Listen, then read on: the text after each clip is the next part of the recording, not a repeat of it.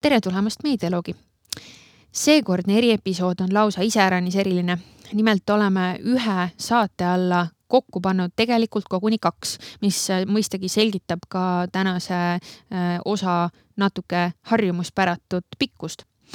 Äh, nimelt tuleb saate esimeses pooles äh, minuga stuudiosse vestlema Louis Vierenga kes on äh, Tartu Ülikooli Johan Skytte instituudi poliitikaanalüütik ja Balti Kaitsekolledži rahvusvaheliste suhete lektor. Äh, Louis'ga räägime me inglise keeles ja, ja räägime põhiliselt äh, siis sellest, milline on Vene propaganda olemus, natuke ka sellest, milline Vene propaganda ajalugu ja kus on võimalik sarnaseid võtteid või narratiive tänapäeval veel näha. saate teises pooles mis äh, juhuks, kui äh, keegi soovib äh, neid eraldi kuulata, algab umbes neljakümne seitsmendast minutist tuleb külla loodetavasti kuulajatele juba tuttav mees Marko Uibu, kes on siis Tartu Ülikooli kommunikatsioonijuhtimise lektor ja oma akadeemilises töös tegeleb paljuski vandenõuteooriate ja vandenõuteoreetikute kommunikatsiooni uurimisega. ja Markoga räägime sellest, laias laastus sellest, millest rääkisime ka eelmine kord, kui Marko stuudios käis. Äh, aga täna natuke spetsiifilisemalt, ehk siis äh, kuidas oleks võimalik suhtlust alustada või hoida nende inimestega, kes on Vene propaganda inforuumi sattunud ja keelduvad sealt lahkumast. loodetavasti saate huvitavaid ideid, äh, võimalik, et ka kasulikke, head kaasamõtlemist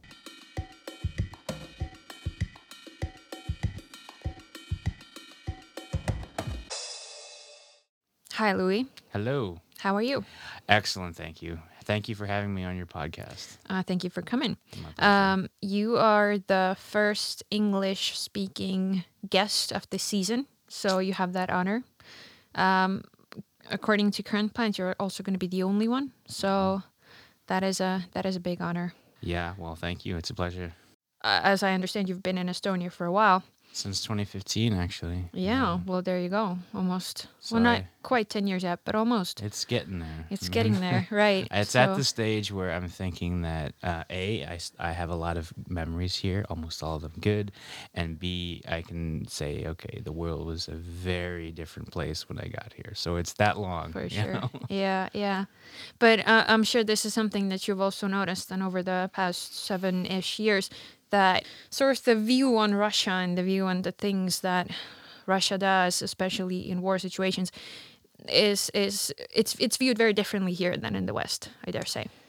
It is, and I mean the one of the reasons why I was so positive about the social media reaction to this negative uh, aspect of, of this gruesome war is that okay yes now most of my friends are from either estonia or also latvia i have a lot of latvian friends as well mm-hmm. same very similar experience if, if not almost identical mm-hmm. and so naturally it is there m- mostly and of course my ukrainian friends as well but i'm noticing a lot of people from other countries who are still active uh, in promoting Ukraine. It's not to the same mm-hmm. extent for the reason that you just mentioned. Yeah. But it hasn't become well for some people, sure it is, but for a lot of people, it's not just a virtue signal and then it goes away. People are actually sort of um, carrying the torch, and I hope that that will the only reason I hope that that does not uh, last very long is because I hope the war doesn't last very long. But I'm not yeah. that optimistic. So if it does, then I hope that this this is something that the West stands in solidarity for. We hope that the support continues as long as it needs to. I mm-hmm. guess. And it's uh, just on another note. I mean, it's, it's it's interesting to me to see both in Latvia and in Estonia so many Ukrainian flags. It's not surprising mm-hmm. because I really I really feel like there is this sense of uh, genuine support, yes, but an awareness that oh, you know, gosh, this was us, and this this could be us. It's not that far away from our, our back door. Oh, absolutely. I think. Um, I mean, I I can only speak for myself, but I was deeply scared for the first couple of days of the war because if things had gone differently in Ukraine, this in all likelihood would be us. Yeah, I mean, I gotta hand it to to the soldiers of Ukraine. Like, I'm a former U.S. Marine. I fought. Mm-hmm. I was an infantry person as well, like you know, frontline guy. And I have to say, from that standpoint as well, from somebody who's been to combat, I really respect uh, the Ukrainian troops and the people who volunteered uh, to be in the military because they held their own against all odds. That's like a beyond Sparta moment. So I have to say a lot of respect to them. And if anybody's listening that uh, has a family member in the armed forces of Ukraine or is in the armed forces of Ukraine, mad respect from a former U.S. Marine. Absolutely. I mean, I can't really claim that sort of a background, but absolutely mad respect, yes. Um, and uh, I guess in a sort of a very cynical and sarcastic way, it pays to be in a war for eight years in a row. And then, you know, once it escalates, you're weirdly enough, weirdly ready. Yeah. Well, I mean, that should be a wake up call to everyone west of Poland, southwest of Poland, and uh, west of the Baltic states. I think the Finns get it, but you know, um, I think that Sweden and Germany are starting to understand that the era of peace and prosperity is pretty much done in Europe, or at least you know the illusion of that. I mean, who knows what could happen, but. Yeah, I guess it's mostly the the illusion of it. The Baltic states were sort of looked down upon in their sort of skepticism towards Russia for a long time. Like, oh, they're not the same anymore. Like, mm-hmm. you're just traumatized by your experience. You're just overreacting. And then now we're like, were we? Yeah. were we? Yeah. But yeah, I mean, that's of course one of those moments where you kind of it it's it's not it doesn't feel good to be right. Yeah, I agree. But uh, President Ilves is absolutely right. And I have to say, um, it's good that the Baltic states always carry that torch and always, when they meet with US presidents and other officials in the European Union, always remind them of the seriousness. And unfortunately, um, it took a long time for people mm-hmm. to start waking up. Uh, and in the US, I don't think a lot of people really got it either, even after the election interference from the 2016 election. I think that there's still uh, a large um, cloak of naivety when people say this is you know Ukraine is is not in our backyard. Um, there's a lot of support for Ukraine in the U.S., but it's kind of a I don't want to diverge too much from the topic, but it's interesting for me to watch my own country's reaction mm-hmm. to, to this, and I'm very um, much in agreement with President Ilves and others who have, uh, you know, made the point that everybody just kind of rolled their eyes about this Russia mongering for such a long time, mm-hmm. and it's so strange to me because and this may be a good, a good, a good kind of intro to to the topic for today. But this is in many ways the first social media war, and what's going on is not new. These are the same Russian tactics used over and over and over again. But oh, you know Syria, that's far away, or you know, Georgia is a little bit closer, but it was a long time ago and it was far away. But Ukraine is like boom, the heartland of Europe. So it's um, a mixed bag, I would say. No, for sure. Um, yeah. So as you briefly mentioned, I didn't actually invite you here to just to chat about um, how how we view uh, the the war versus how the West or yeah. however you want to define it views the war. I invited you here to talk about well populism and propaganda, mm. actually, and um, in terms of Russia and in terms of sort of, I suppose, the Russian informational space as a whole, because obviously that extends beyond Russia, as we now see. And uh, one thing that's also very, very interesting for me to see. So, um, in, in, for my own background, for in my master's degree, uh, to graduate from my master's degree, I didn't write a thesis, but I wrote an essay. Mm-hmm. And I wrote an essay on um, sort of uh, social media's connection with spreading false news and social media's connection with um, sort of political partisanship and, and, and, uh, I kind of touched upon many topics there, but uh, the, yeah, sort of you know how how the um, election um, oh my god interference. Yeah. In the election interference how how that um, was connected to social media or wasn't and, and stuff like that. So it's very interesting for me to see how uh, when we talk about propaganda and we talk about how how information moves within the Russian information sphere, how varied that actually is, and how they can mm. sort of still maintain their own sort of bubbles of of information that are fairly sort of compact and fairly sort of closed off within, you know, and other countries very far away from Russia.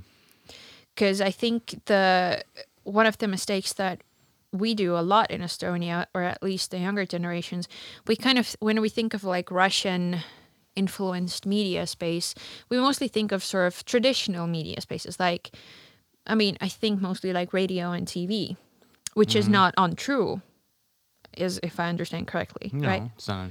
That is sort of a very big thing for them. Mhm. And I guess in Estonia specifically, obviously, a lot of the people that are within Russia's sphere of influence uh, or information are sort of advanced in age. Not elderly, I wouldn't say, but they're not Mhm. necessarily, you know, teenagers or, or young adults. Um, and for them, I guess it's social media is not as prevalent. Yeah. Yeah, there's definitely a, a generational gap there in terms of who gets their media from which source or which type Mhm. of source. Yes. But um, in your own research, whether for academic purposes or Mhm. just out of out of curiosity, um, how how would you say that the Russian sort of tactics change from one uh, medium to another?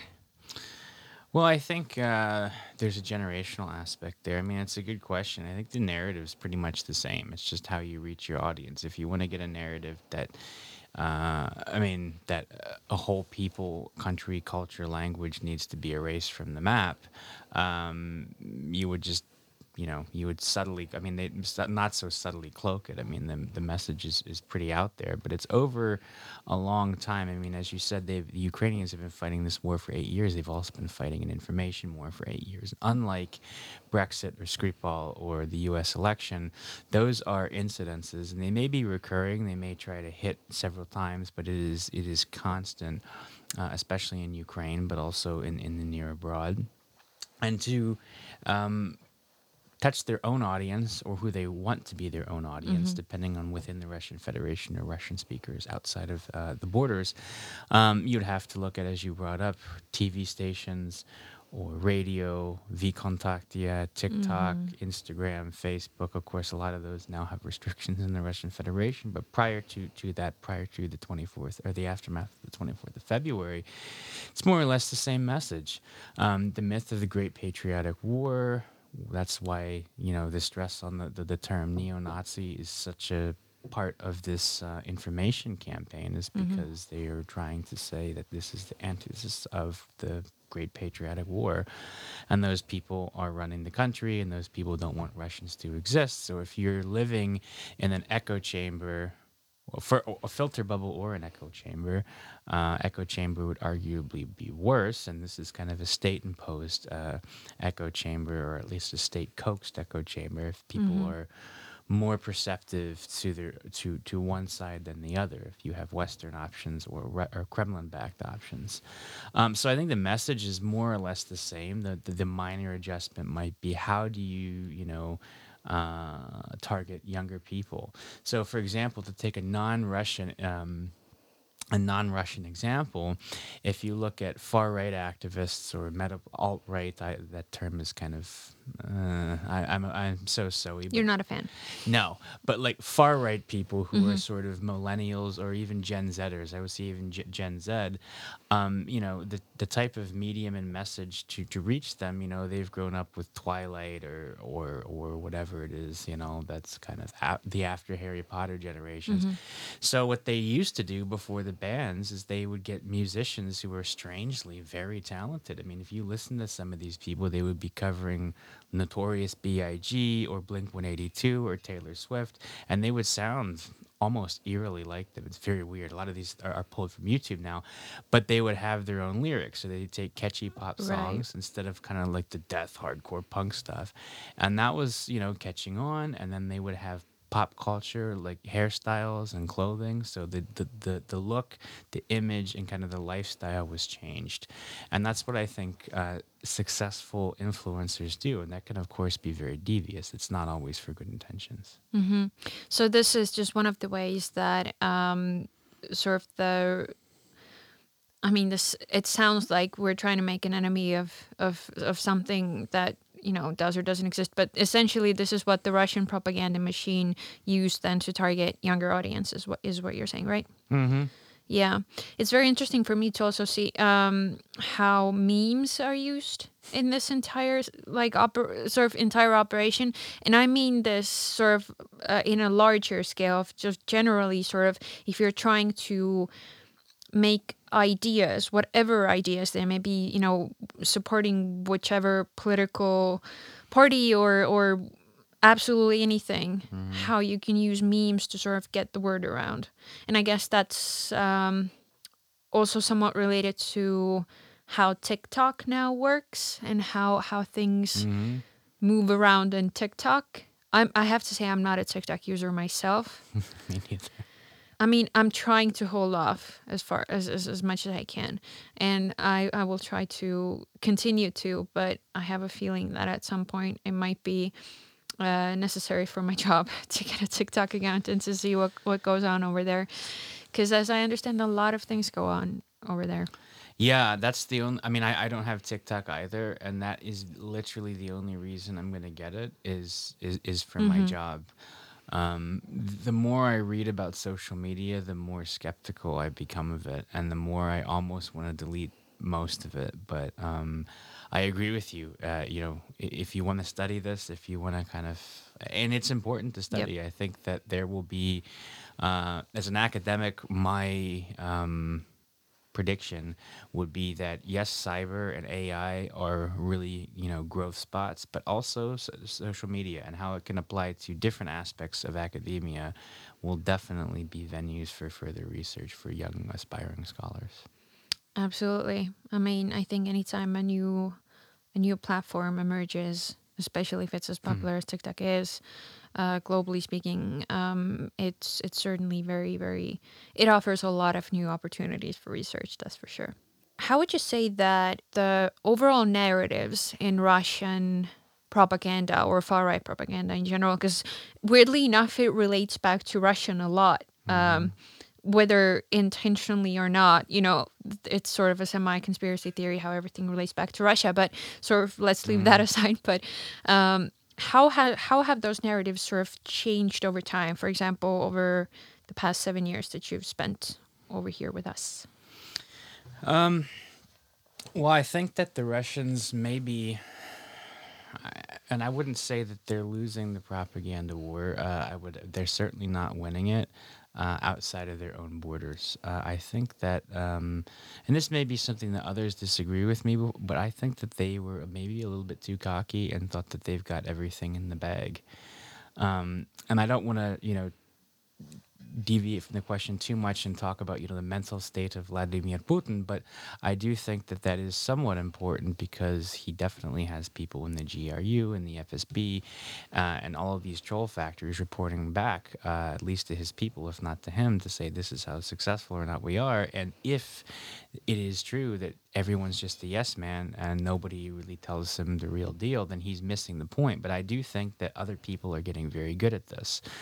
Um, it's interesting because the far right is definitely split on the Russian Federation. I mean, you do have a lot of far right parties and politicians who are cozy or really do support Putin for either nefarious reasons or simply ideological. You know, they mm-hmm. like the conservative, pro certain values, family values, European values, these type of thing. But there are also far right people that have the same values, but just realize that this is not uh, genuine, and they would view him as sort of the flip side of a liberal Western power that's you know situated in Washington D.C., of which Brussels is a continuation of, and they would say, okay, Russia's a multi-ethnic empire. They have a lot of Muslims as well. They are not like this pan-Slavic empire. It's very much about about the Russian language, and so you take that that aspect into it as well. But you know that that doesn't take away from the fact that you have people like Matteo Salvini, Marine Le Pen, and Viktor Orban, who have all been very pro-Kremlin and are trying to okay, not Viktor Orban, but are trying to sort of carefully navigate because right after the 24th of February, association with the Russian Federation was toxic. Mm-hmm. I mean, there was a global backlash to that.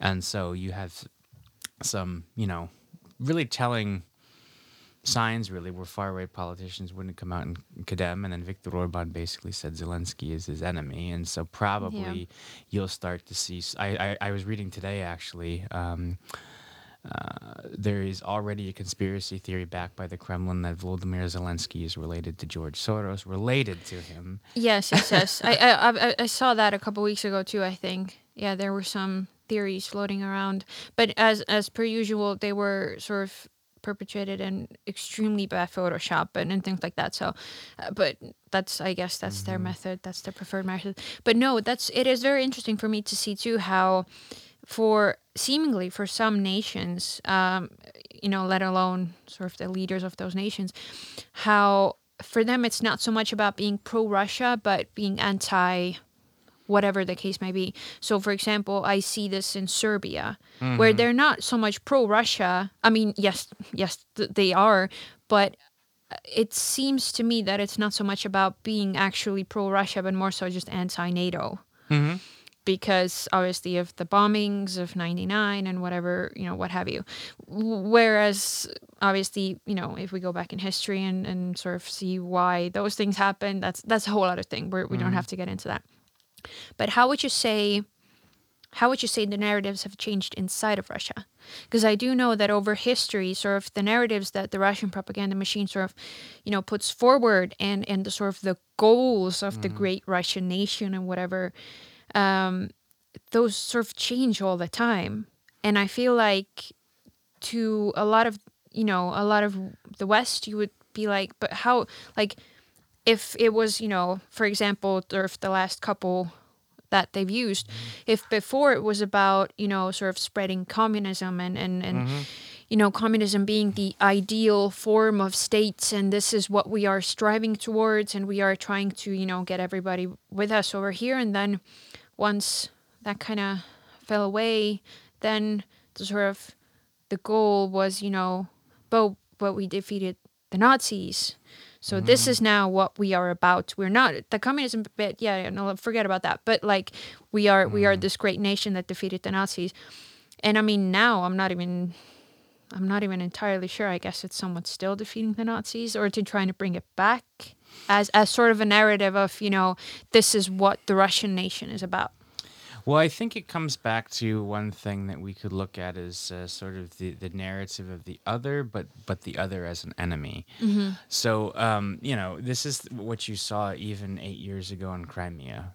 They're going there to protect Russian speakers from ethnic cleansing. Yes, yes. And I mean, that is more or less uh, the narrative now, and that's why the whole aspect about Nazis and relating it to the Second World War, but also relating it to contemporary disappearance or potentially disappearance of Russian language. I mean, I would I would say, and, and and I know this talking to Ukrainian friends of mine, that since the Crimea peninsula was annexed and the Donetsk and Luhansk became hotspots. Um, a lot of people became language conscious because so many people in Ukraine are bilingual, but maybe even favoring Russian, and then this this kind of drift towards um, towards the Ukrainian language was evident, but also the kind of young hipster startup. You know, Netflix. What what youngsters in EU countries do? Okay, that's you know a, a broad blanket. That's mm-hmm. that's different even within Poland, let's say. But you know, th- this this kind of Western pivot, I think, really scared uh, Vladimir Putin because you know they can talk about gay roipa and all this stuff as much as they want, but the fact of the matter is, is so many people from the Russian Federation go to the U.S. Uh, and to the European Union to, to to immigrate. I mean, a lot of other people do as well. So I think it's also about losing people. Now he's caused a massive brain drain because of these policies that are getting more and more and more authoritarian to his own people. So the the IWIO, the Information Warfare Information Operation Campaign, being waged against them too, is the kind of dreaded. And this gets into the whole conspiracy theory as well. You've probably heard this a lot with COVID. That it's for your protection, but that's something a lot of people use because it is, if used right, a very powerful narrative. Um, and to get back to your sort of uh, government structure or I- ideological government structure and how that plays out. Um, Yes, Putin has said that the collapse of the Soviet Union was the greatest catastrophe of the 20th century. Uh, and I don't pretend to be a Putin whisperer. I mean, there's several interesting books about him, some more than others, but I think it's more about the idea of Russia being a great power f- for wherever means communism, imperialism. Yeah. So you have these very interesting. I mean, the far right in Russia is interesting because it's really fragmented. Because the only party you would think the only populist radical right party would be Vladimir Zhirinovsky's party, which is a controlled opposition. But you have groups. Some of them are are you know imperialists. Some of them are ironically named national Bolsheviks. How that works out, I don't know. A nationalist communist. Mm. But uh, then you also have actual far right Nazi groups as well inside of the Russian Federation, and they all want different things. Mm-hmm. Um, but I think the bottom line is what justification, what's what's the story we want to t- to sell to make Russia great again? Right. I mean, at the end of the day, though, would you say that none of this even matters significantly? In terms of, I just had an um, a conversation slash argument, depends on how you frame it, uh, with a friend of mine who sort of puts a lot of importance on the public opinion in Russia. Mm-hmm. And I would argue that the public opinion in Russia doesn't really matter because Russia is not a democracy. And I mean, yes, obviously, at one point in history, public opinion, you know, the rise of the Bolsheviks and stuff like that, public opinion was was a big deal and then changed something significantly. But I would also argue that since then, a lot of measures have been put into place to make sure that never happens again. Of course, and that would be Putin's worst nightmare going back to his time in the former GDR. I mean, he's absolutely terrified of color revolutions and all that. Um, I would say that it does matter, even in a system where it is very, very hard to change, if not impossible to change. I mean, I think that a, an actual color revolution. I mean, we're, we're Russia will probably go to almost Stalinist style repressions for anybody that publicly speaks out against this now. But I think that it does matter because I think if we have an accurate picture of how many people support this and why, um, you know, do they support it because they have a heavy dose of propaganda that they Yes. believe in, or do they support it because they really think that Russia should do X, Y, and Z and that Putin is the right person for the job? I think it will tell us how to do it because in hindsight, uh, preventing something like this from happening again is really important and i think that that's one of the reasons there's you know I there's a lot of scholarship on the holocaust mm-hmm. and, and, and and nazi germany and a lot of it is like okay what were the causes that led the nazis to Yeah. power and then why did were people complacent when they were doing these things i mean speaking out against the third reich also very dangerous but I do think that it matters because I think that tells us the other part of the story. Do people buy into this or are they just afraid to, to, to challenge the regime? Yeah, no, in that aspect, I fully agree with you. And I think that is uh, very important to know. Um, I guess what I meant more so was that, you know, the public opinion of sort of the average Russian or the ordinary Russian is not something that influences anything currently. Ah, okay. I see what you mean. Yeah, I mean, he'd do it anyway. I mean, Yeah. yeah. Yeah. But um, another thing that has, you know, caused a lot of discussion in, in my own group of friends has been do we even know what Russian public opinion is? Because, I mean, obviously there are a lot of, you know, claimed independent sources within Russia and independent, I don't know, poll agencies and what have you. Personally, I would, I am extremely skeptical of anything independent, quote unquote, coming out of Russia, especially on topics that are sort of, you know, propaganda fodder or propaganda material, which would include, you know, different um, different support you know h- how much support is for one topic or another or or how much support there is for putin or what have you You know, that's a good question. And I think, you know, the Russian Federation is so big. Uh, it's such a big country that I think, and I think this goes for just about every group under the sun, um, public opinion is varied. So if you go to San Francisco in the U.S. and ask what people think of Biden and Trump, and if you go to uh, rural Mississippi and ask, those are about as different of the population that you can you can possibly find.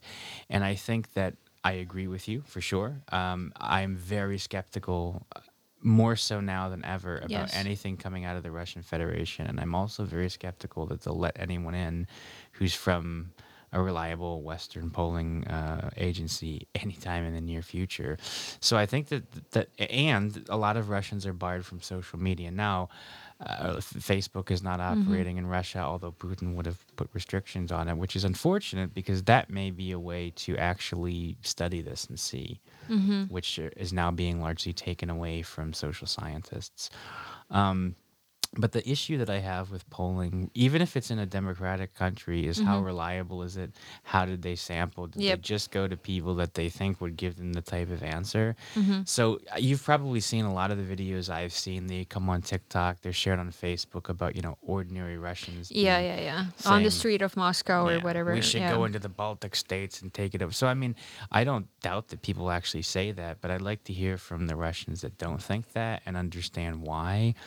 My hunch would be a lot of them have lived abroad or studied abroad, because I think that that would be a better way for the West to use soft power and encouraging those that type of generation to come to power. Although that is maybe a stretch, some people would probably laugh if I said that, but it's better to try to encourage that than do nothing at all and isolate them. Mm-hmm. Yeah, I mean, I I have I have seen those videos, and I always sort of, I kind of view them as funny, because I mean, if you find six people on the street of Moscow, who will tell you, you know, with with within you know to your camera, yes, I support the war, good job, boys, keep it going, then you know that's what percentage is that again of the Yeah. of the Russian population?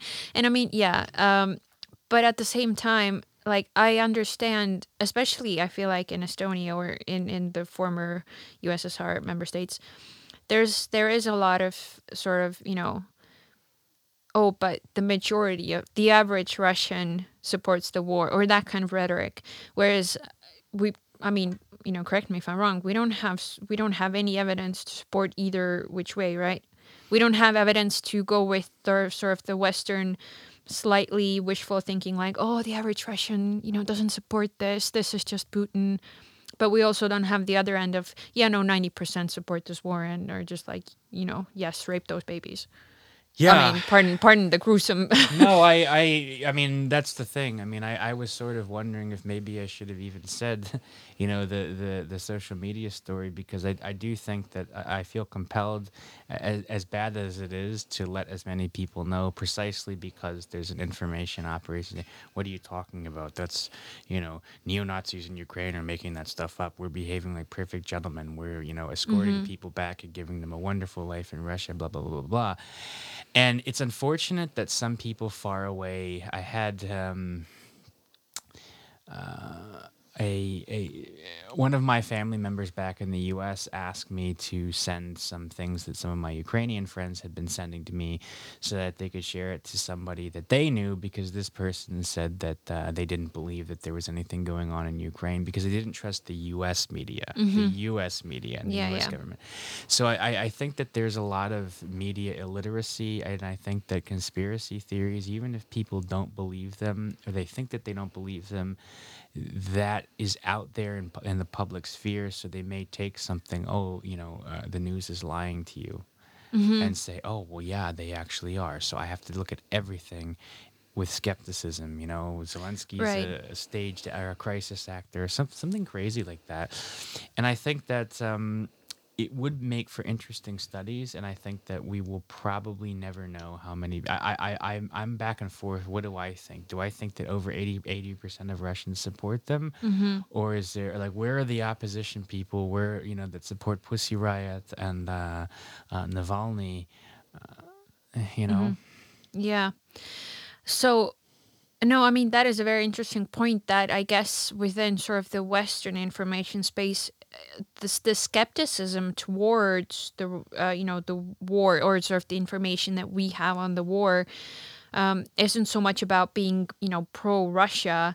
It's just more so about like I don't trust the the mainstream media as a whole, so I'm gonna, you know, I'm I'm gonna doubt what you what you're saying on this, and maybe sort of, you know, veer more towards the the Russian information space, which is, which is, I guess, you know, the how uh, what was the saying the enemy of my enemy is my friend Mm-hmm. kind of a situation. Yeah, I think that that's why there was a lot of admiration in the Western European and also Hungarian far right towards Russia. I mean, the story goes a little bit deeper than that, but I think that that's that's one of the um, the reasons. Also, in in some of the more conservative elements of the Republican Party, some of them are quite hawkish and, and, want to do more to, to, to take Russia down a peg, but then some of them also really support the Russian Federation. So, Yep. but um, no, it's it's um, it's interesting, and I and I really hope that um, well, Ukraine, of course, has been doing a lot for um, media literacy when it comes to Ukraine. They have a lot of mm-hmm. different initiatives and websites and videos, and they're much like the Baltic states in trying to raise awareness. I mean, now they don't have to raise awareness; they just have to specify precisely what is going on to the mm-hmm. average viewer or listener. Yeah. But what would you sort of to go back towards the bigger picture? hmm What would you say are the most powerful narratives that the Russian propaganda is currently using to sort of perpetrate their own views? I don't mean on the war specifically, but like sort of to keep, you know, the, to keep the people fed, quote unquote, or Mm. happy, quote unquote, with the information that they're getting.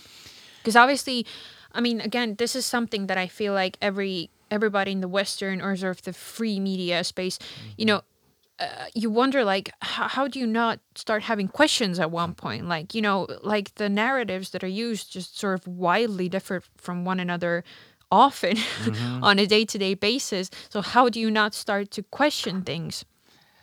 Why? so what what yeah what kind of like narratives or, or rhetorics are they using to sort of keep keep the appearances up Well, I would say there's two answers to that question. The first is long term, and that's kind of death by, by slow drip.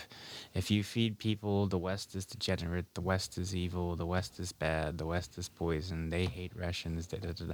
and if you just feed them that constantly throughout decades, changing up, you know, the nuances towards it, but the red thread is still very much the same message. Uh, I think over time, then that just starts to sink in, and people have, you know, Stockholm syndrome viewership or whatever. Mm-hmm. Although it's their own country, so then Yeah. there- then there's that. But how how long sorry how long would you say that that rhetoric has been pushed approximately I think we could probably go back to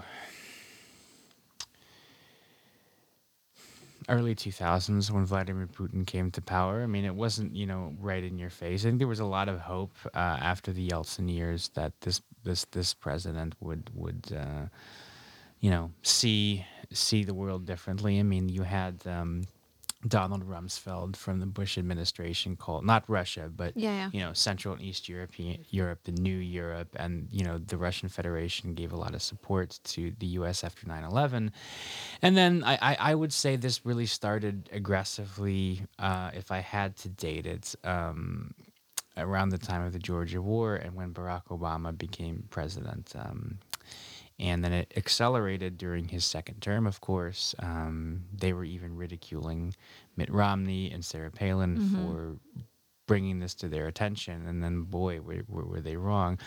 So I would say that it's you could say it started towards the beginning of the century, but then the gas was pushed, uh, it was accelerated uh, a couple of times. That would have been the Georgian War, and right before Crimea as well. I think that that was a calculated strategic move. They knew that they would have the Olympics and that they could do it.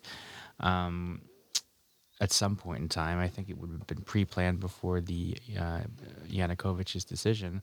But I think to get back to the second part of your question, um, the overwhelming narrative right now is that uh, we're the good guys, we're right, they asked for it, we had no choice, and this is to make the world a better place. And in that world, Russia should be it should be a Russian-led world. We they, people should have our our worldview, not uh, an end of history, Brussels, Washington-led uh, liberal world order. Um, I I agree with your timeline, but I would actually I would probably argue that both of these rhetorics come from way, even like way before. I mean, obviously, you know, the West being the uh, sort of the anti good, anti everything good. uh, I mean, you know that that that was present during the Cold War too, right? Ah, I mean, sure, in, in yeah, a in a- in a somewhat sort of yeah, sure, like somewhat you know packaged slightly differently, perhaps. Mm-hmm. But I feel like bo- uh, both of these sort of red threads, like you mentioned, Mm-hmm. With you know Russia being the the savior, the liberator, and and you know who who sort of saves um, saves nations from from you know the Western liberal hell. Mm-hmm. th- th- those things sort of go way back, though, right? Like like centuries potentially. Oh, absolutely. And uh, so another point I wanted to make is that I was just starting it with, with the Putin era. Of Mhm. course, Yes, I mean, yes, I think that this has been something that's been enduring for a long time. And when you hear about, um, I mean, the only real way to stop them is to change the mentality. And that is not going to be easy, but it is also going to, I mean, you know, a, united Russia, let's just face it, poses a danger to its neighbors hmm and that is maybe a realist statement. Call it what you will, but I I, I, I don't think that Europe will ever be uh, completely safe with a united Russia. Um, but also, when I study populism, they have this notion of this this charismatic um, leader, and one of the components of charismatic leaders are Manichaean demonization. So it's like a battle between good and evil, mm-hmm. and then that leader has to embody certain characteristic traits. And so I think the message of Vladimir Putin is, you know cool guy that flies airplanes and wrestles bears without a shirt on and scores 60 goals in a hockey match, mm-hmm. it's more than just macho bravadory. It's it's it's it's like this is the guy who is strong and who is the embodiment of you know Traditional values. yes Of masculinity, right? Yes, but I think it goes And power. more masculinity and power, but of the Russian sense. And so I Mm-hmm. think, I mean, yes, all of that stuff. I don't disagree with any of it, but I do think that there's something a little bit more than that. Mm-hmm. And I think it is trying to embody like the nation as like a father figure of a very specific Russian nation that has a right to exist and to dominate and that's why i think he's so persistent about nato because the thing is is that okay we're not perfect in the west and i'm not i'm not at all saying that i mean the us has a lot of problems but the, but the, i mean i prefer prefer europe actually and i like living in estonia much better but this is the place where people want to be. And you can say that in a braggadocious way, or you can say that very humbly, but the, these are the places where people want to be. This is a version of the world, again, not perfect, way better than what they have to offer. And I think he's scared to death that if his own citizens wake up and say, okay, Ukraine has gone to the West, why did they go to the West? Why didn't they come running? Uh, why didn't people greet us in, in the streets as liberators and have Russian flags? And I think this is very much uh, indicated in this uh, IWIO in, in the information warfare being waged against their own citizens so that they don't um, wake up and smell the coffee, let's say. Mm-hmm. So, would you agree that a lot of sort of a lot of the strength of the red thread Mm-hmm. comes from the fact that it has been going on for so long? Yeah, yeah. I mean it, it's it's interesting to compare because yes, it has been going on for a long time. I mean, Mhm. you know the the even in imperial Russia, I mean, it was definitely this kind of notion. I mean, imperial countries tend to have an, an identity that's different from those that are not. I mean. Uh, London is a very different city from, let's say, um, I don't know, um, Tallinn, of course, Mm-hmm. and Budapest. I I find one of my favorite cities. But you do have that kind of air of, you know, re- regalness uh, even now. But the U.S. also has this notion of the shining city on the hill, which is very much a biblical reference. Mhm. And then the Russian Federation. This is why the Orthodox Church plays such an important role, because that kind of battle between light and darkness in a religious environment it means a lot to a lot of people and it's a real rally around the flag rally Mm. around the religion type of sentiment and so i think you need a story to tell people uh, for why your empire or why your great power status exists what is it there to do what is it there to prevent and what are the benefits of having it and you see this in the iwio that's kind of the core of the message but you are absolutely right i mean the red thread has its it didn't just come out of nowhere it wasn't Mhm. just plucked from the sky Yeah. So, to sort of wrap it up, I have a very easy, very simple question that I'm sure you can answer in one sentence. how how would we go about trying to break or even somewhat crack the propaganda machine and the and sort of the bubble that the people under the Russian informational space, which would include obviously people both within Russia and outside of it. How how how do we even crack this bubble? Well, it's different within Russia and without Russia, uh, outside of Yeah. Russia for sure. I mean, I think that in general, all countries should have media literacy taught in schools because my generation, for example, I remember, not to date myself, I remember MySpace and I remember Facebook when it was started. And I remember people I know progressively starting to get social media. But now youngsters grow up with it. As soon as they're able to get a phone, they can get it. I think I, I don't know what the age limit is, but you know, you c it's very easy to you know they're socialized. There's they they go through their childhood on all on TikTok on everything, so it's it's part of everyday life in a way that my generation remembers it not being, and I think that one of the consequences there are a lot of good things with social media and there are a lot of very dangerous and very challenging things because it is so embedded in our everyday life. And i think the first way to start for everyone is teaching people cyber hygiene and social media hygiene and, and critical thinking skills. And if that's done and it's not targeted and, and in a country like estonia i think it would be well, Estonians do everything well with tech, so I think they would be, you know, torch torch bearers for this. But in other countries that are multi-ethnic, um, I think one way around that is targeting everyone with it. Now, the titular nation state, of course, would probably understand that differently. But if everyone gets taught the same message, and it's like, okay, you may be of this background, but you're in the same state, that's a way to do it with solidarity. Now, inside of the Russian Federation, I mean, that's going to be very hard when diplomatic um, ties are severed, strained or severed, um, because you can have, you can, you know, one of the things that the West has, especially the U.S., love love Hollywood or hate it, they have the soft power. Of, of Hollywood and a lot of the social media influencers. And they have been called into the White House to discuss this under the Biden administration. And so I think foreign policy wonks, whether they like it or not, have to start engaging with this because culture is, uh, politics is downwind from culture. And in order to sort of change the narrative or control the narrative, you have to be able to do it in a way that gets your audience on board.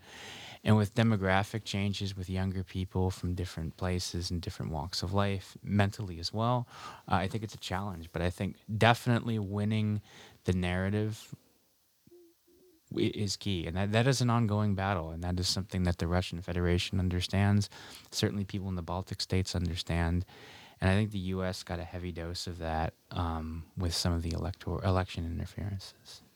So essentially, the key is just to try to reach people on whichever sort of a platform or medium they are already in and to try to offer multiple viewpoints.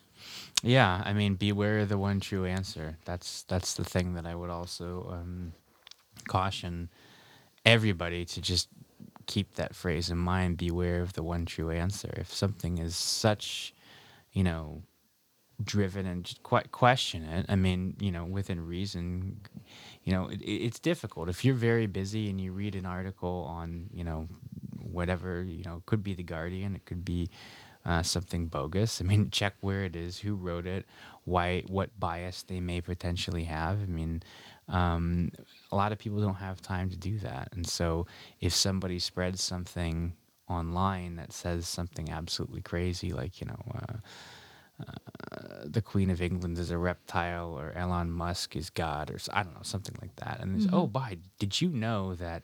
Da, da, da, da, da, da, da. And then that's how things trickle into society, and then people start to believe them if they're not as intellectual as others. And I don't mean to sound pretentious here, but I mean there are a lot of people in this world that have access to smartphones and social media, and that's the danger of these types of messages.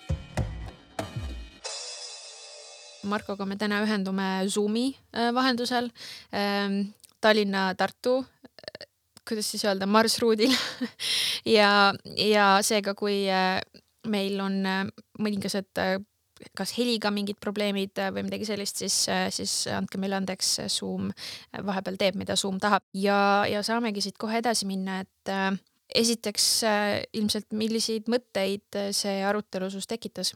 eks, eks me ju iseenesest äh, nagu teame, et äh, ju ka mingeid, mingeid asju, mis äh, mis Venemaal on nagu toimunud ja see, see, kuidas nagu see riiklik propaganda on olnud üles ehitatud ja, ja see kõik ju nagu justkui on, on olnud pildis.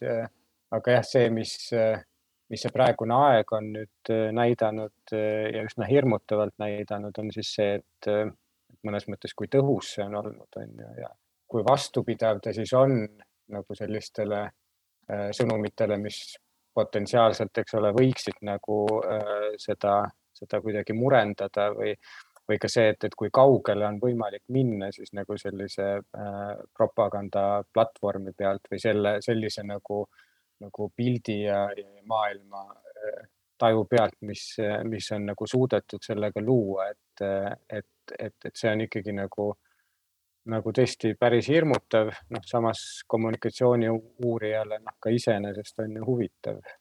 aga et sellist, sellist huvitavust noh, iseenesest muidugi ei tahaks mm. -hmm.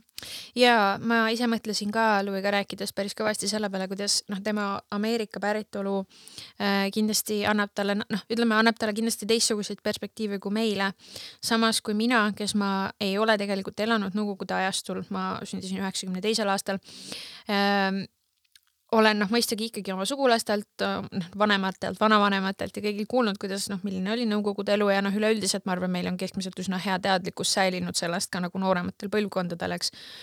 Ja, ja see on äh, mingis mõttes nagu huvitav vaadata, kuidas mingid asjad, mida noh, ongi ajalootunnis sai õpitud, kuidas, kuidas Nõukogude propaganda töötas või ka selleni välja, et kuidas ma ei tea äh,, milline oli äh, millised olid võimustruktuurid ja, ja milline oli sõjavägi ja noh, nii edasi, et, et kuidas näiliselt justkui üks riik ei ole nagu absoluutselt liikunud edasi mingites valdkondades, et noh, mingites kahtlemata on. ja samas jällegi teistes kuidagi noh, ütleme, need asjad tunduvad väga sarnased. kas, kas sa oleksid nõus minuga?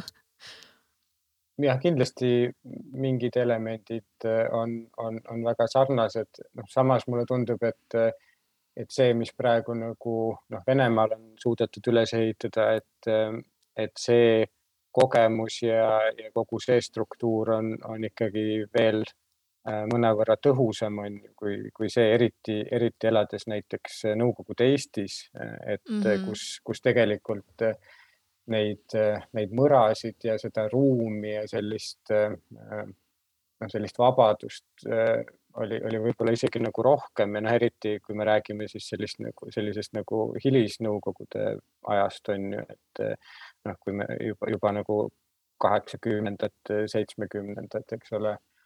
Aga, aga jah, et, et, et võib-olla nagu, nagu praegu Venemaal mõnes mõttes see on äh, nagu strateegilisemalt äh, nagu töötab selles mõttes paremini, et ta on nagu rohkem äh, just seotud sellise vene identiteedi ja, ja olemusega mm, -hmm. et, et see Nõukogude äh, Nõukogude propaganda puhul ja selle ideoloogia puhul äh, noh, mingid sellised äh, kesksed elemendid äh, olid ju ikkagi ähm, noh, juba, juba teatud hetkel üsna niimoodi ähm, noh, nagu, nagu pehmenemas või, või, või nagu ka ära kadumas on ju, et aga et see, kui me praegu vaatame see, mis see, see Vene natsionalism või see fašism, eks ole, millele see praegune on üles ehitatud, et see läheb väga sügavale nagu inimeste sellisesse äh,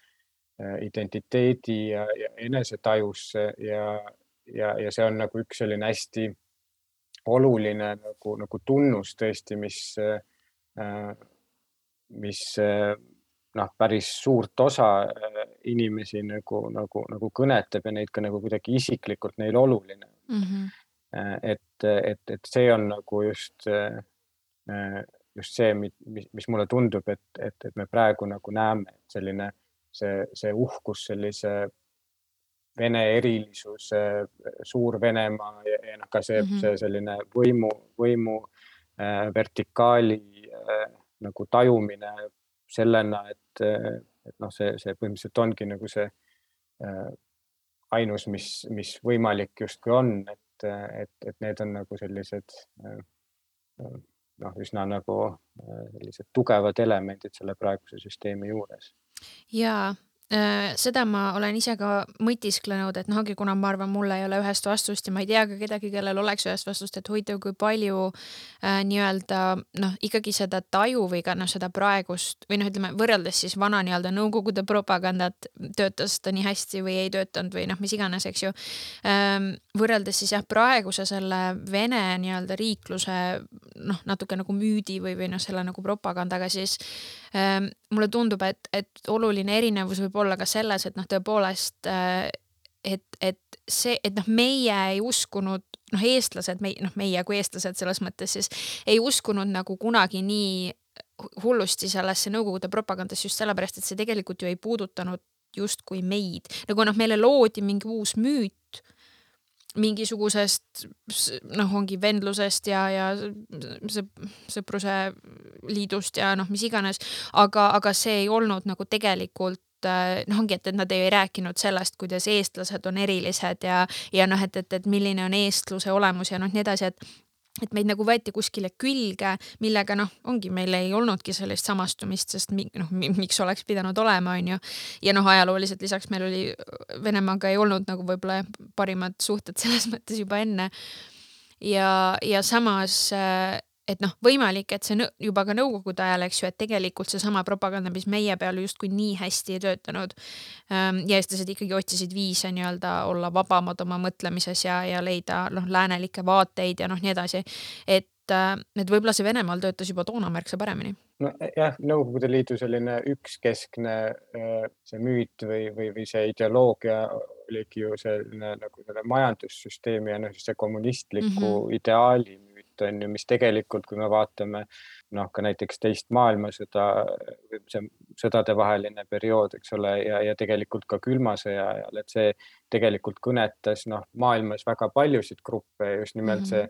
see, see, see äh, tööliste ja sellise klassivõitluse motiivid aga, aga jah, et kui me räägime, eks ole, juba nagu seitsmekümnendatest, kaheksakümnendatest, et, et siis selles mõttes mm, noh, see süsteem oli nagu mingis mõttes vast ka ennast kuidagi diskrediteerinud või see ei olnud ja. enam nagu selles mõttes usutav.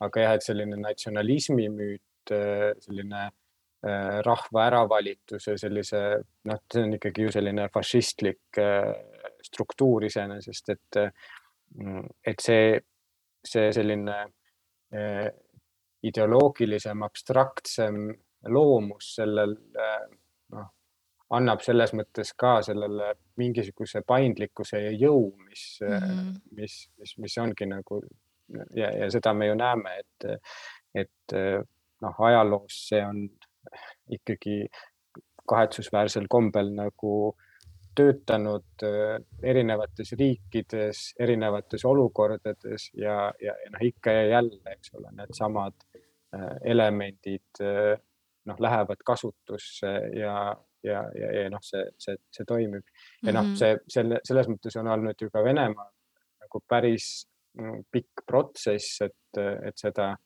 äh,, seda tõesti nagu ju, ju uuesti tekitada. ma mäletan, ma äh, käisin reisimas äh, Venemaal aastal kaks tuhat kuus vist oli see ja ma ostsin äh, siis toona just välja tulnud äh, mingisugune selline ajalooõpik äh, noh, selline ametlik ja, ja, ja juba nagu siis seda lugedes oli nagu see, et, et, et okei okay,, et noh, et, et see ajalugu on nüüd küll nagu hoopis teistsugune kui see ajalugu, noh, mis mina tean, et justkui nagu, nagu peaks olema, et, et, et selles mõttes see on nagu, nagu ajapikku nagu tõesti jõudnud igale poole ja, ja, ja, ja see on ka üks asi, mida noh, mida paratamatult nagu noh, tuleb arvestada, et, et, et selline aegapikku üles ehitatud, igale poole juurdunud noh, sellised arusaamad, et, et neid tegelikult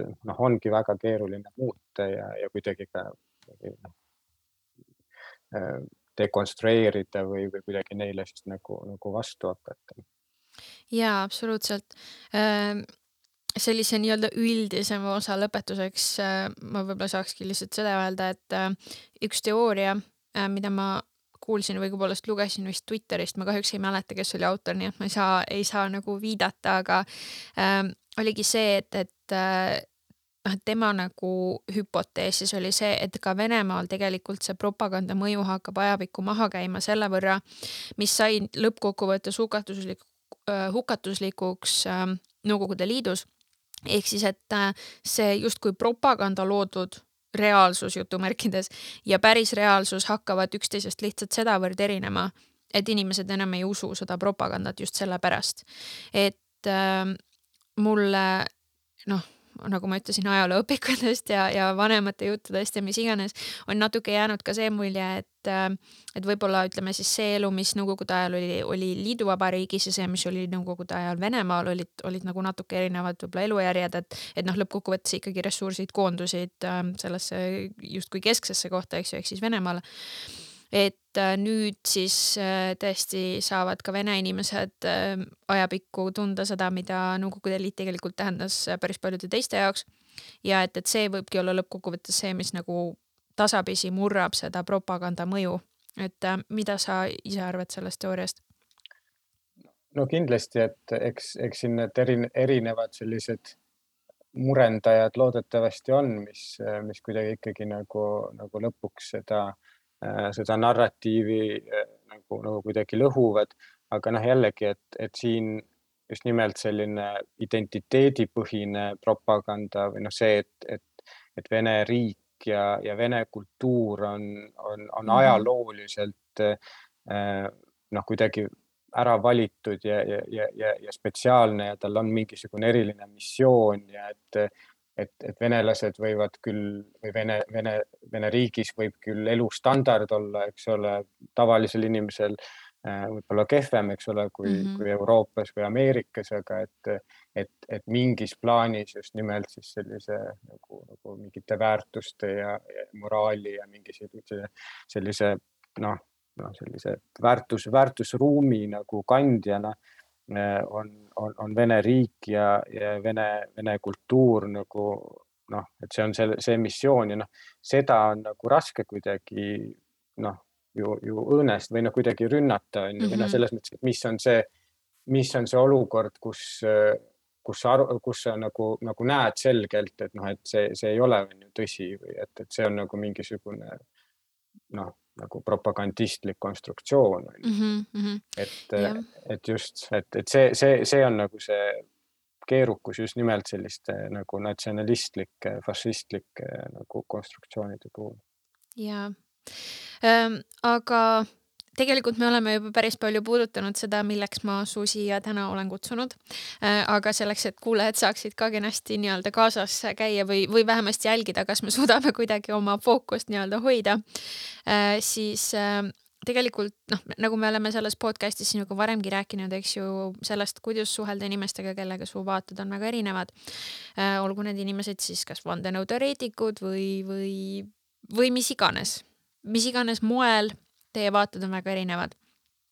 ja, ja laias laastus äh, see on ka selle siis nii-öelda osa või saate osa poole eesmärk natukene nagu arutleda selle üle, et kas ja kuidas võiks olla võimalik suhelda inimestega, äh, kes on väga tugevalt kinni Vene propagandamullis, sest ma arvan, et, et sellega kindlasti oskavad samastuda päris paljud eestlased või vähem või, või Eestis elaja, elavad inimesed, kui natuke laiemalt võtta. Ehm, et, et nende lähikonnas on, on inimesi, kes ei usu, ütleme siis, kes ei usu sellesse reaalsusesse, millesse meie usume ehm, ja kelle uskumused noh, nii, nii jaburalt, kui see ka reaalsuse kontekstis ei kõla või nii-öelda faktide kontekstis ei kõla, eks ju, et nende jaoks on, on lihtsalt asjad hoopis teistmoodi. ja, ja noh, ütleme, et ausalt, et e, minu, minu lähikonnas ma pean tõdema, ei ole selliseid inimesi. Äh, minu lähemad sugulased on kõik väga eestimeelsed ja väga-väga e, sügavuti eestlased äh, talupoegade nimetamise ajani välja. aga, aga sellegipoolest ma nagu tunnen selles mõttes väga kaasa inimestele, kellel on kindlasti päris palju frustratsiooni selle võrra, et, et kui sa tõesti üritad nagu saada hästi läbi kellegagi, kes noh, teatud kontekstides laias laastus soovib lõpuks võib-olla sinu surma. mitte otseselt sinu, aga sinu rahvuse, sinu riigi ja paljude sinu väärtuste, eks ju. et äh, nagu sa ütlesid ka, siis selline, et noh, et, et äh, mida on väga raske murendada, on see selline rahvusliku uhkuse justkui kontekst ja noh, otse loomulikult äh, ega noh, iseenesest ju rahvuslikul uhkusel, uhkusel ei ole ju nagu midagi viga aga, aga jah, et, et äh, probleemi koht äh, tekib sellest siis, kui, kui see hakkab justkui käima mõne teise rahvuse üle, eks ole, et, et noh, et me, mm. me tahame teid ka siia juurde liita, sellepärast et meie rahvus on vot nii äge, et meie saame võtta siia juurde keda iganes me tahame siis, kui me tahame. ja miks te ei peaks seda soovima, eks ju. aga jah äh,, on sul ideid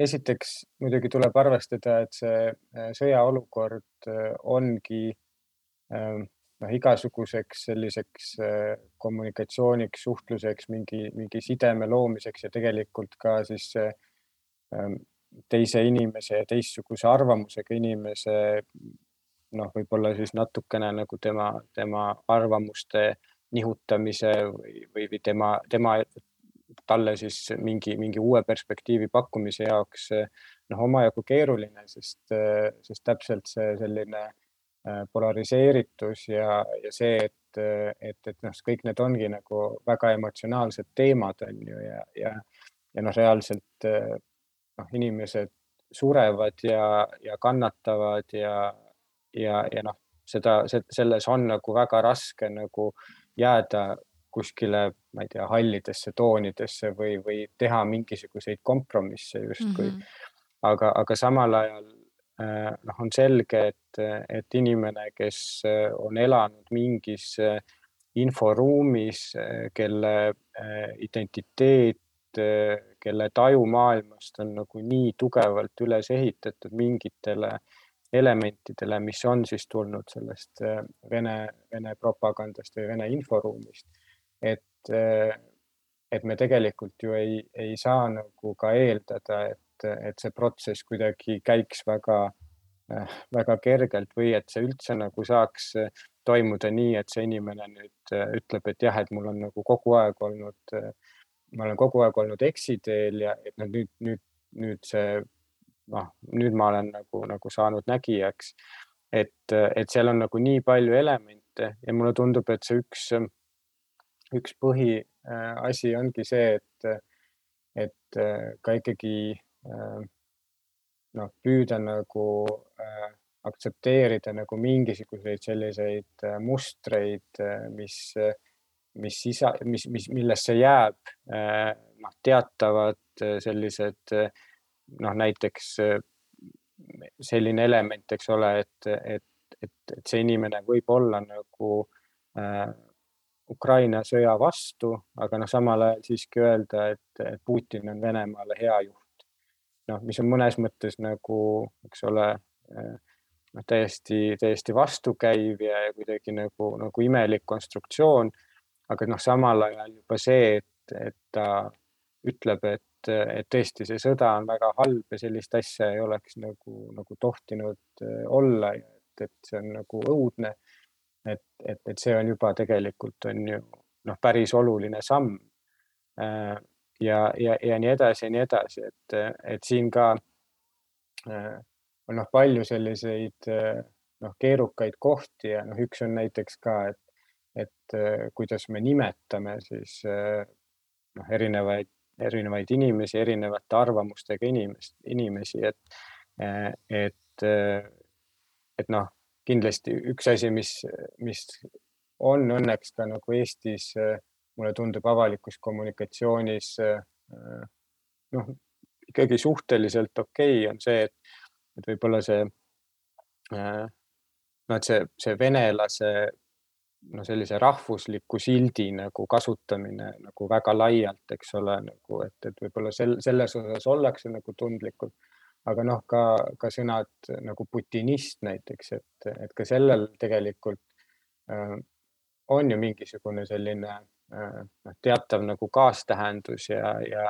ja ka see võib tegelikult nagu, nagu inimesi äh, nagu riivata, on ju, et, et, et võib-olla näiteks äh, noh, sellise, selliste mõistete leidmine, et võib-olla näiteks sõjavastane on ju, et, et see on, mulle tundub selline noh, hea nagu sisuliselt sobiv ja, ja siiski ka nagu piisavalt ähm,, äh, piisavalt nagu, nagu noh, selline pehme mõiste, et, et millega nagu inimestel on võib-olla nagu, nagu lihtsam näiteks samastuda ja, ja nii edasi, et et, et, et, et see, see on nagu selline miiniväli põhimõtteliselt, eks ole, kui mm -hmm. sellised, sellised vestlused, et ja, ja, ja noh, võib-olla nagu üks, üks soovitus on ka see, et, et kui ikkagi nagu ise oled nendest sõjakoledustest noh, ikkagi noh, see on nii emotsionaalselt mõjunud, et, et võib-olla siis ka nagu äh, noh, hinnata seda, et, et kas, kas selliseid vestlusi üldse on nagu, nagu mõistlik nagu alustada või et, et, et ei ole nagu mõtet ka lihtsalt nagu selliseid nagu konfliktiolukordi on ju, on ju tekitada, et endal on pärast halb ja ega see ka ju selle, selles olukorras nagu, nagu midagi nagu, nagu head ei tee. Aga samal ajal noh, see, see, see ei ole ainult siis äh, sellise äh, nagu riikliku propaganda või, või selles infoväljas olevate inimeste puhul äh,, aga noh, ka tegelikult täpselt vandenõuteoreetikute või, või, või, või muidu nagu inimeste puhul, kes, kes usuvad midagi, mis äh, ei, ei ole ilmselt tõene ja, ja mis on ka nagu potentsiaalselt kahjulik. et, et ikkagi nagu ka noh, täiesti jätta seda märkimata, et ma ei ole sinuga nõus, et ka see ei ole hea, eks ole, täielik vaikus ka nendel teemadel selles mõttes ei ole hea. muidu, muidu nendel inimestel ka tekib see tunnetus, et, et nendega nõustutakse ja et, et neid, neid inimesi, kes nagu jagavad seda arvamust, et, et neid ongi nagu hästi palju mm. -hmm. aga et siis kuidagi jah, et pigem nagu äh, noh niimoodi võib-olla pehmemalt anda seda märku, et noh, et ma ma ei ole sinuga nõus, minu nägemus on täiesti teistsugune, minu allikad on täiesti teistsugused äh,. aga et noh, et me ei, me ei pea nagu selles mõttes noh, sellepärast nagu äh,, nagu tugevasse konflikti on ju minema üksteisest lahti ütlema sisuliselt, kui rääkida juba noh, nagu perekondlikes kontekstides, eks ju. ja just, ehk siis just. lühidalt. suhte, suhte hoidmine on nagu hästi oluline et, et, et noh, et, et see, mis me ju ka ei taha, on see, et tekiksidki nagu, nagu sellised mullid, kus, kus inimestel ei olegi nagu mingisuguseid äh, kontakte ja, ja, ja sidemeid siis nagu noh, nendest teistmoodi mm -hmm. mõtlevate inimestega ja et täielik kapseldumine kindlasti ei, kuigi võib-olla personaalselt sinu jaoks nagu ütleme siis ähm, rahulikum äh, situatsioon, eks ju, et, et sa ei pea kuidagi sellel miiniväljal pidevalt laveerima, siis teisest küljest jah, et, et äh, see noh, kui, kui võtta, et eesmärk justkui oleks see, et, et äh, teine inimene mõistab sinu, seda, kust, kust sina siis nii-öelda tuled, millised on sinu allikad ja noh, ütleme nagu mõistab seda või näeb seda situatsiooni rohkem, rohkem nii, nagu sina seda näed siis äh, jah, see ütleme nende täielik väljalõikamine ja nende kapseldamine sisuliselt sellesse kõlakambrisse, kuhu nad, kuhu nad äh, ühel või teisel moel kuuluvad, ei ole üheski kontekstis hea tõesti, ei vandenõuteoreetikute puhul ja, ja kindlasti ka mitte nii-öelda Vene propaganda või Vene infoväljas olijate puhul. aga et lühidalt siis kokkuvõttes äh, sina soovitaksid, et, et ikkagi noh, kasvõi ükskõik kui väikesed sillad, aga et, et mingisuguseid nii-öelda sildu luua nendega, et noh, ongi, et, et et ma saan aru, et, et sina usud, et Vladimir Putin on, on rahumeelne mees, kes, kes tahab kõigile ainult kõige paremat ja ta on Venemaal väga hea juht. olgu nii, aga kas me saame olla nõus, et see, mis parasjagu toimub Ukrainas, see sõda, mis toimub Ukrainas, et see on noh, et, et, et, et me oleme selle vastu, et seda ei peaks olema? Jah, no siin tuleb olla ettevaatlik, on ju, et see, kuidas sa juba ütlesid seda, et eh, mida sa Putini kohta ütlesid, et seal oli väga selgelt nagu mingi selline, mingi tähendus juures on ju, et, et, et see, et see inimene, kes peab nagu Putinit Venemaa jaoks mõnes mõttes nagu paratamatuks valikuks, et ta ei pruugi nagu arvata, et Putin on rahumeelne, armastav inimene mm, -hmm. vaid et et, et noh, et ja siin on ka see nagu selle kuulamise koht on ju, et, et, et tõesti nagu siis saada aru, on ju, et noh, et ta võibki nagu öelda, et ja et, et Putin on nagu noh, isegi võib-olla nagu ebameeldiv, aga noh, et lihtsalt Venemaal ei ole näiteks mm -hmm. teist, teist varianti. ma meenutan nagu ühte vestlust, mis mul endal oli, eks ole, kus noh, ja, ja, ja noh, mina ei tea, eks ole, et ja võib-olla selles osas see ongi tõsi, et, et, et noh, võib-olla, võib-olla ongi nii, et et kui ei oleks Putin, siis oleks mingisugune järgmine despoot on ju Venemaal, et, et, et selles mõttes nagu seda ühisosa nagu tunnustada ei ole nagu ju ka noh, selles mõttes võib-olla alati nii keeruline, aga et, et, et noh, et, et kui inimene nagu noh, jah, jõuab sinna, et, et et see sõda on nagu ikkagi hirmus ja sellist asja ei, ei peaks nagu olema, see, see võib-olla on jah, see üks, üks selline äh, põhiasi, mis, milleni nagu võiks püüda jõuda mm. -hmm. ja selles suhtes ma tõesti oma nii-öelda selle ähm, no nii-öelda narratiivi ähm, paikapanemisel lähtusin sellest, mis või mulle vähemasti tundub, äh, on, on nagu Vene propaganda sõnum selle situatsiooni kohta, eks ju, et, et, et Venemaa ja sealhulgas kõik Venemaa liidrid on, on rahumeelsed inimesed, kes tahavad lihtsalt aidata teisi inimesi ja, ja jah, natsid mm -hmm. Ukrainas hakkavad neile selles äh, lihtsalt vastu. aga jah, ei, selles osas tuleb nõus olla, et, et et ilmselt on, on tõesti hea mõte esimese hooga üritada paika panna, et mis, mis need seisukohad siis tegelikult lõppkokkuvõttes täpselt on. sest et noh, jah, ma arvan, et me saame kõik aru või ma loodan vähemasti, et me saame kõik aru, et, et ka tegelikult Vene infoväljas elavad inimesed ei ole nagu noh, täielikult nagu nii-öelda noh, nad ei ole nagu monokultuur selles mõttes, et nad arvavad kõik täpselt noh, täpselt sama asja, on kõik täpi pealt samade seisukohtadega ja ei kahtle mitte iial mitte milleski, et, et äh, et jah, ma olen, ma olen küll, mis seal salata, näinud päris palju selliseid sõnavõtte sotsiaalmeedias, mis justkui hästi grupeerib noh, kogu Venemaa nagu üheks ja, ja räägib äh, noh, ongi Vene, ma ei tea, Vene avalik arvamus on selline, venelane on selline, venelased arvavad niimoodi. Äh, aga noh, jah, et lõppkokkuvõttes me ei tea, mida venelased arvavad ja iseenesest jah, on hea küsimus, et, et kas äh, ütleme siis äh, nende inimeste puhul, kellel on sellised sugulased, kes võib-olla noh, on, on tugevalt Vene infoväljas, et kas, kas te tegelikult teate lõpuni, mis, mis nende seisukohad on? sest jah Äh, kui ma mõtlen enda selliste poolvandenõuteoreetikute sugulaste peale, siis ega ma päris täpselt ilmselt ei tea, ma tean, et ma ei ole nendega nõus. aga mis see siis tegelikult on, mida nad arvavad, et võib-olla kui eesmärk on sildu luua, siis võib-olla seal tegelikult on, millest kinni hakata tõesti mm. -hmm. aga noh, muidugi ega see ei pruugi olla nagu lihtne, et, et seda nagu kuulata ja, ja et noh, selles mõttes ega ei pea ka endale panema seda survet, et nüüd ma pean seda tingimata tegema, on ju, et, et et, et, et, et nii ta, nii ta ju on ja noh, ka inimeste uskumused, arusaamad võivad olla nagu noh, üsna sellised vastuolulised ja, ja, ja, ja see on ka tegelikult loomulik, et, et, et selles mõttes need, need mustrid on, on ju nagu, nagu huvitavad.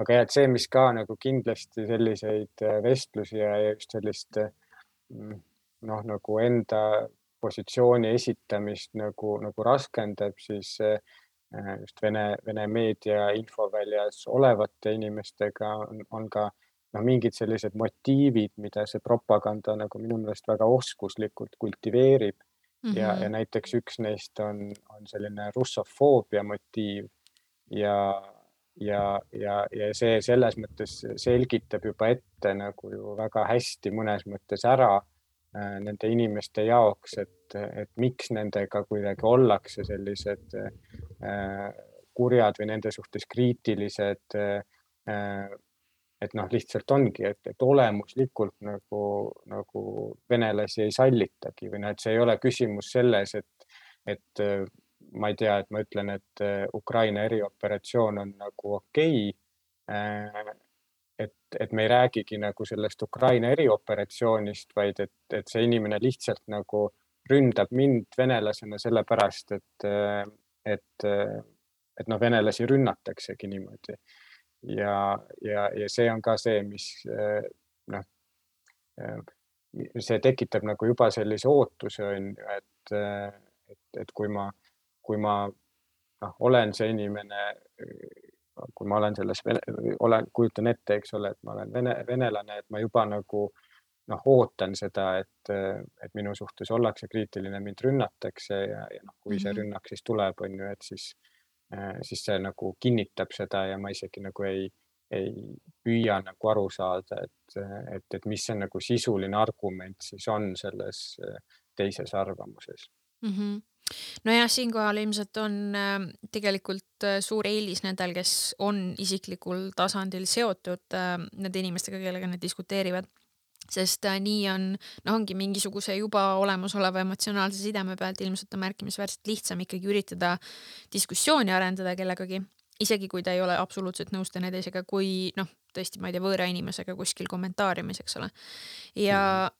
noh, sind kuulates ma paneks välja ka sellise hüpoteesi, et, et, et noh, ütleme siin võib olla ka teatud eelis nendel, kes on, äh, ongi siis ka ise äh, vene taustaga ja, ja noh, saavadki, ütleme siis äh, noh argumenteerida ka noh, läbi selle, et, et aga et noh, et ma, et ma ei ole russofoobne, et ma väga armastan oma vene, noh, oma vene tausta ja oma vene kultuuri ja kõike seda, aga et noh, et või ütleme, ma küsin siis sinu käest, et kas see võiks olla töötav selline narratiiv, et ongi, et ei, et, et ma ei noh, mul ei ole nagu ütleme siis vene sellise kultuurilise või vene olemusliku nagu selle aspekti vastu mitte midagi ja tõesti, ma armastan väga oma vene poolt, aga Äh, et, et see ju ei tähenda seda, et ma ei võiks olla kriitiline asjade osas, mida minu meelest ei tehta õigesti. et kas mm -hmm. see võiks olla nagu töötav narratiiv? ja et see, see oleks nagu see, mis aitab nagu seda äh, russofoobia barjääri, eks ole, nagu -hmm. läbistada, et, et selles mõttes see on väga oluline. ma arvan ka, et, et just nimelt nagu mingid sellised inimesed, kes on kuidagi ka vene kultuuriga nagu noh, olnud nagu seotud või, või noh, ma ei tea. Elmo Nüganen, kes on, lavastab, eks ole, Vene mm -hmm. teatris või, või, või, või mingid sellised äh, inimesed, kes, kes noh, selgelt, eks ole, on äh, noh, et, et nende puhul ei, noh, ei, ei saa olla see, see russofoobia, eks ole, ei sobitu sinna pilti mm, -hmm. et, et neil on kindlasti nagu lihtsam ja noh, kuidagi seda, seda jah, seda teemat mingit avada või, või noh, seda kontakti luua, aga jah, et see on kindlasti äh, nagu ka, ka tavalisel inimesel, eks ole, nagu, nagu tunnistada seda, et noh, et tegelikult noh, mulle väga meeldib, on ju mingi osa või suur osa vene kultuurist on ju, mul on hästi nagu kahju, et, et kuidagi need, need suhted ja, ja kogu see see asi on nagu sinna läinud, on ju mm, -hmm. aga, aga jah, et, et, et jah, et, et, et see on, see on selle nagu russofoobia argumendi vastu siis nagu mm. -hmm. nojah, ja küllap äh, midagi sarnast äh, noh, mis võib või noh, ütleme, pruugib või ei pruugi töötada ka mingil määral ongi noh, see, et, et ütleme, kui üritada isiklikult samastuda sellega, siis noh, ma personaalselt rääkides ma mõistan absoluutselt seda, kui ütleme siis ongi jutumärkides keskmine venelane, kes iganes see siis ka ei oleks, eks ole, me ei tegelikult ju ei tea, kes on keskmine venelane. aga et noh, et, et kui ta, et ta on uhke oma rahvuse üle või et, et ta on uhke oma ajaloo üle ja, ja kõige oma kultuuri üle, et noh, ma tegelikult mõistan seda suurepäraselt, mina olen ka eestluse üle, eestluse kui sellise, kui kontseptsiooni üle väga uhke ja meie ajaloo ja meie kultuuri ja nii edasi, et nagu seda poolt ma mõistan ja, ja noh, küllap kui seda tunnustada, et noh, et ongi, et ma, ma absoluutselt saan aru, miks sinu jaoks on noh, nagu raske äh, kuulata seda, kui kritiseeritakse sinu noh, riiki, sinu rahvust, sinu rahvuslust ja noh, nii edasi, et nagu see võib olla ka selline kasvõi väike ja võib-olla natuke sihuke mitte kõige nagu toekam, aga vähemasti sild, eks ju, et, et mida nagu üritada luua ja mille põhjalt üritada mingisugust äh, diskussiooni nagu alustada. No muidugi äh, siin ka, et, et kui ikkagi äh, Venemaal see üks tuumelement on ju sellise äravalituse, noh, et, et, et kui, kui sina tuled ütlema, et, äh, et, et sina muidugi. usud ka oma nagu või noh, sina oled väga uhke oma Eesti ja eestluse üle, eks ole, aga, aga mina noh, tajun, et, et no need ei ole nagu võrreldavad, on ju, et, et, et Jah. minu kultuur on kol kolmas Rooma ja, ja, ja mingi tohutu nagu sellise äh, globaalse missiooniga impeerium on ju, noh, et, et, et siis noh, et, et lihtsalt, et siin ka neid nüansse on, on ju palju mm, -hmm. aga, aga ma olen põhimõtteliselt jah nõus, et, et, et see üks äh, taktika või, või, või see, see lähenemisviis, mis ongi nagu üldse aluseks, on, on jah, ikkagi sellise nagu mingi ühisosa otsimine, et, et noh, ilma selleta on nagu väga raske on ju mingit sellist kommunikatsiooni äh, olukorda nagu tegelikult üldse tekitada mm. -hmm. aga noh, ongi, kui äh kui võtta sinu kogemust, mis sul on olnud, siis noh, ongi uurides seda, et kuidas kommunikeerida omavahel ja kuidas kommunikeerida inimestega, kes on väga, ütleme siis noh, üsna tugevalt kapseldunud mingisse mulli, olgu tõesti see mull siis vandenõuteooria või, või midagi muud, äh, siis äh, on ilmselt päris õige öelda, et, et noh, tegelikult ühtegi nagu sellist ühte õiget vastust või ühte õiget taktikat äh, ei ole. ja laias laastus ainuke õige taktika saabki olla, et, et üritada vähemasti nii-öelda algatada ja hoida mingisugustki diskussiooni mingisugustelgi teemadel just nii, nii ta on jah, et, et, et selliseid nagu, nagu kiireid toimivaid tehnikaid noh, on, on, on väga raske, kui, kui mitte võimatu, eks ole, välja tuua.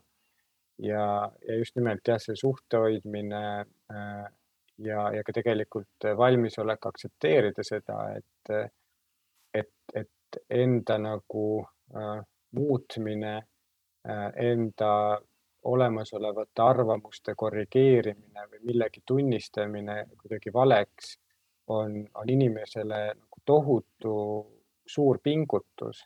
Et, et, et selles mõttes see selline, et me ei saa tegelikult nagu eeldada, et, et, et inimene seda kuigi lihtsalt nagu teeb. ja, ja tegelikult siis on ka nagu oluline kuidagi teda nagu sellel teel olla valmis nagu toetama, on ju ja, ja tõesti noh, siin isegi nagu sellise, sellisel puhul nagu on, on, on toodud välja, et, et mingid sellised äh, leinale tüüpilised või noh, sellise nagu suurele traumale tüüpilised äh, sellised käitumisfaasid või, või, või emotsioonid äh, noh, võivad ka rakenduda sellisel puhul on ju, et kui sa äh, kui sa saad teada, et, et midagi, mida sa oled justkui nagu, nagu arvanud, et on ühtmoodi, on tegelikult teistmoodi või, või selline pettumine, eks ole, näiteks kelleks, kelleski, kes justkui siis on nagu valetanud või, või, või loonud sellist äh, tegelikkusest äh, erinevat äh, kuvandit. et noh, et seal on täpselt, et noh, et see, see, see eitamise faas on ju, mida, mida on, on selgelt näha, aga ka äh, noh, väga tugevad emotsioonid, eks ole, kui see lõpuks nagu hakkab kohale jõudma nagu, nagu viha ja, ja, ja siis ka sellised väga-väga nagu mm, äh, noh, depressiivsed elemendid või noh, see, et, et sa tõesti tunned, et sa oled nagu katki ja pettunud ja, ja, ja et noh, et selles mõttes noh, ka, et, et, et võib-olla noh, eriti kui tegu on nagu lähedase inimesega, noh, et olla, olla siis valmis nagu, nagu seal tuge pakkuma.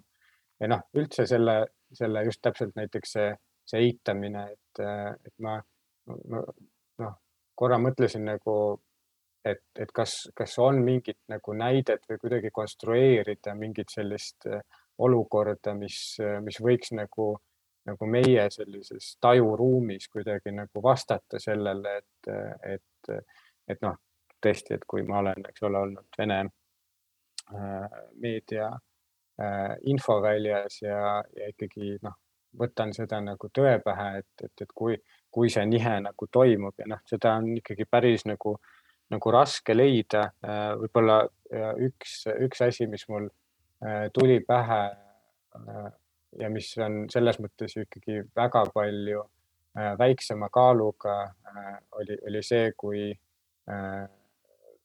eks ole, tuli välja, et, et, et keegi, keda, keda eestlased pidasid oma rahvuskangelaseks, nimelt Andrus Veerpalu mm, -hmm. on, on, on arvatavalt tarvitanud dopingut ja, ja, ja valetanud.